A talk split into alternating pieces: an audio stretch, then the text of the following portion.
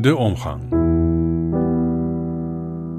Hoe gaan we dagelijks om met de dingen die we geloven of waar we over twijfelen? Vandaag is het de dag voor hemelvaart. Mijn naam is Jurgen van der Erik. Fijn dat u luistert. Ik lees u een gedeelte uit Handelingen 1, vers 9 tot 11. En als hij dit gezegd had, werd hij opgenomen daar zij het zagen, en een wolk nam hem weg van hun ogen. En alzo zij hun ogen naar de hemel hielden, terwijl hij heenvoer, ziet, twee mannen stonden bij hen in witte kleding, welke ook zeiden, Gij Galileese mannen, wat staat gij en ziet op naar de hemel? Deze Jezus, die van u opgenomen is in de hemel, zal alzo komen, gelijkerwijs gij hem naar de hemel hebt zien heenvaren. Hemelvaart. Zo heette de feestdag die in de traditie van de kerk heel lang geen feestdag was. Een beetje een rare naam, omdat voor ons, moderne mensen, het woordje vaart, van hemelvaart, in ons denken vastzit aan ballonvaart of ruimtevaart. En daar moeten we juist niet aan denken. Een beetje vreemde dag, hemelvaartsdag, ook al omdat hij niet vastzat aan een van de Joodse feesten. De eerste beschrijving van zoiets als een hemelvaartsdag is van Eusebius, maar dat is pas in de vierde eeuw, honderden jaren later dus. Wat wil de kerk er eigenlijk mee vieren? De kerk wil beleiden dat de Heer, Jezus Messias, de macht heeft. De macht heeft in hemel en op aarde. Maar om de macht te hebben, moet je bovenaan willen zijn. Net zoals de kampioen altijd bovenaan in de competitie te vinden is. En op het schavotje van de Olympische Spelen plaats 1 hoger is dan plaats 2 en 3. Hoe hoger, hoe beter. Dat is wat er in de kerk vaak over wordt gedacht. Maar wil de tekst dat ook zeggen? En als de tekst dat had willen zeggen, waarom is de kerk dan niet van meet af aan begonnen hemelvaart te vieren? Laten we daarom nog eens naar de tekst kijken. Want er wordt in het evangelie nauwelijks van zoiets als hemelvaart gesproken, maar er is desondanks toch wel een tekst te vinden en die hebben we gelezen uit Handelingen. En dan meer in het bijzonder uit de Statenvertaling. Waarom? Omdat de Statenvertaling ook 400 jaar oud is, net zoals de ouderdom van de kerk voordat die met zoiets als Hemelvaartsdag is begonnen. Het eerste dat ons zou moeten opvallen is dat de leerlingen het niet zien. Waarom niet? Omdat een wolk ervoor zorgt dat ze niet zien wat er gebeurt. Verder moet het ons opvallen dat er twee mannen staan in witte klederen. Je zou als lezer moeten afvragen: wie zijn die twee mannen? We kwamen ze ook tegen bij het graf en al eerder bij de ontmoeting van Jezus op de berg met deze twee mannen in witte klederen, en daar hadden ze een naam: Mozes en Elia.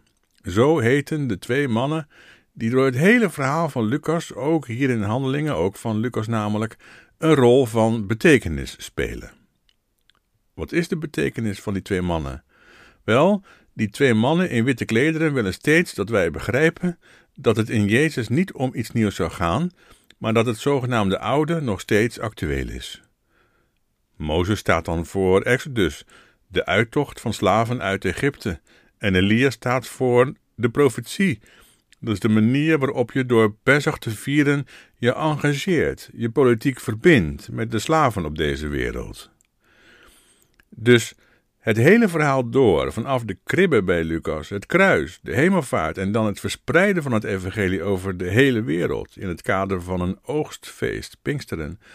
Bij dat alles wil Lucas dat je als lezer nooit vergeet dat het in het hele verhaal van Jezus gaat over Israël. Sterker, gaat over slaven die worden bevrijd van de onderdrukker. Want let nu eens op wat die twee mannen gaan zeggen. Zij zeggen dit, en ik lees het nog een keer in de Statenvertaling. Gij, Galileese mannen, wat staat gij en ziet op naar de hemel? Deze Jezus, die van u opgenomen is in de hemel, zal alzo komen, gelijkerwijs gij hem naar de hemel hebt zien heenvaren. Er staat niet terugkomen. Dat is namelijk wat wij ons in ons voorstellingsvermogen voorstellen. Jezus was op de aarde en is nu in de hemel, maar komt weer terug. Een tamelijk kinderlijke voorstelling op zich. Maar de Bijbel wil niet vertellen wat wij ons kunnen voorstellen, maar wat wij ons nauwelijks of niet kunnen voorstellen. Maar wat ons wel profetisch wordt aangezegd, namelijk dat het koninkrijk der hemelen komt. Komt, daar staat evenmin terugkomt.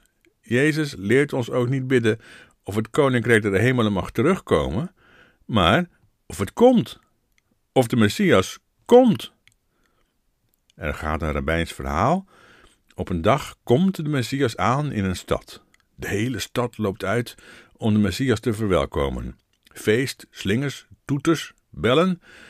Maar er is een Joodse jongen, een tzaddik, die zich door de feestende menigte wringt en die per se een dringende vraag wil stellen. Zodra hij zich eindelijk losgeworsteld heeft van de massa en oog in oog met de Messias staat, stelt hij zijn vraag: Wanneer komt gij? Wanneer komt gij? Dat is namelijk de enig zinnige vraag die je kunt stellen bij alles wat je meemaakt. Wanneer komt de Messias? Natuurlijk hebben moderne vertalers na 400 jaar statenvertaling gedacht: ja, ja, nou ja, dat is allemaal veel te joods en wij zijn geen Joden. Dus wij geloven ook niet dat de Messias nog komen moet. Wij geloven dat hij nu even weg is, maar binnenkort weer terugkomt. Om, ja, waarom? Om ons dan mee te nemen. En dan gaan wij ook weer weg van deze vervloekte aarde met zijn stikstofproblemen, Gazastrook, corona, oranje marsen in Belfast en Rutte die maar niet weg wil. Maar dat is een enorme pervertering van het hele Bijbelse verhaal. Daar ging het en daar gaat het en daar zal het blijven gaan om de komst van de Messias, om de bevrijding van slaven uit de slavernij en om de gerechtigheid en de shalom hier. En daarom voert Lucas behalve die twee mannen in blinkende gewaden ook de wolk hierin in dit verhaal. En plotseling beseffen we het: de wolk. Dit is geen weggaan verhaal. Uh, ben even weg, kom zo weer terug. Uh, moet even van huis uit werken. Nee, dit is Exodus, waar de wolk de plek van de bevrijdende God die voorop gaat voorstelt. Aan kop, die de slaven voorgaat op de uitweg uit de slavernij. De wolk die de slaven verlicht wanneer het nacht wordt, en die de slaven beschermt tegen de woedende legers van Farao. Farao die de Hebreeën terug wil hebben in het piramidale productieproces, de uitbuiting van mensen en dieren en de plundering van de aarde. Nu doorpakken, dat wil Farao, maar de wolk verhindert dat. Wie het hele verhaal van Lucas niet leest als een verhaal van Israël, die gaat er iets anders in lezen wat wellicht ook mooi kan zijn, maar niet wat Lucas heeft bedoeld te zeggen. Wat staat gij naar de hemel te kijken? Deze Jezus zal komen op dezelfde wijze als jullie hem in de hemel hebben zien opgenomen worden. Wat was die wijze dan? Had die te maken met een ballonvaart of met straalaandrijving? Is het een vroege vorm van ruimtevaart, die hemelvaart? Nee, als het over dezelfde wijze gaat, dan gaat het natuurlijk over Jezus en de wolk, Jezus en Exodus, Jezus en de uittocht uit Egypte. Zo! En niet op een andere wijze zal de Messias komen, als een bevrijder van kleine en onderdrukte mensen, slaven en sloven, die dan met hem op een troon zullen zitten. De slaven, zij gaan de regering vormen van een land van vrede. Een wereld van vrede. Deze wereld omgekeerd. Ja, en dat zij dat dan eenmaal gered uit de drek, uh, een beetje uit de hoogte doen. Ik vind het best. Heel best.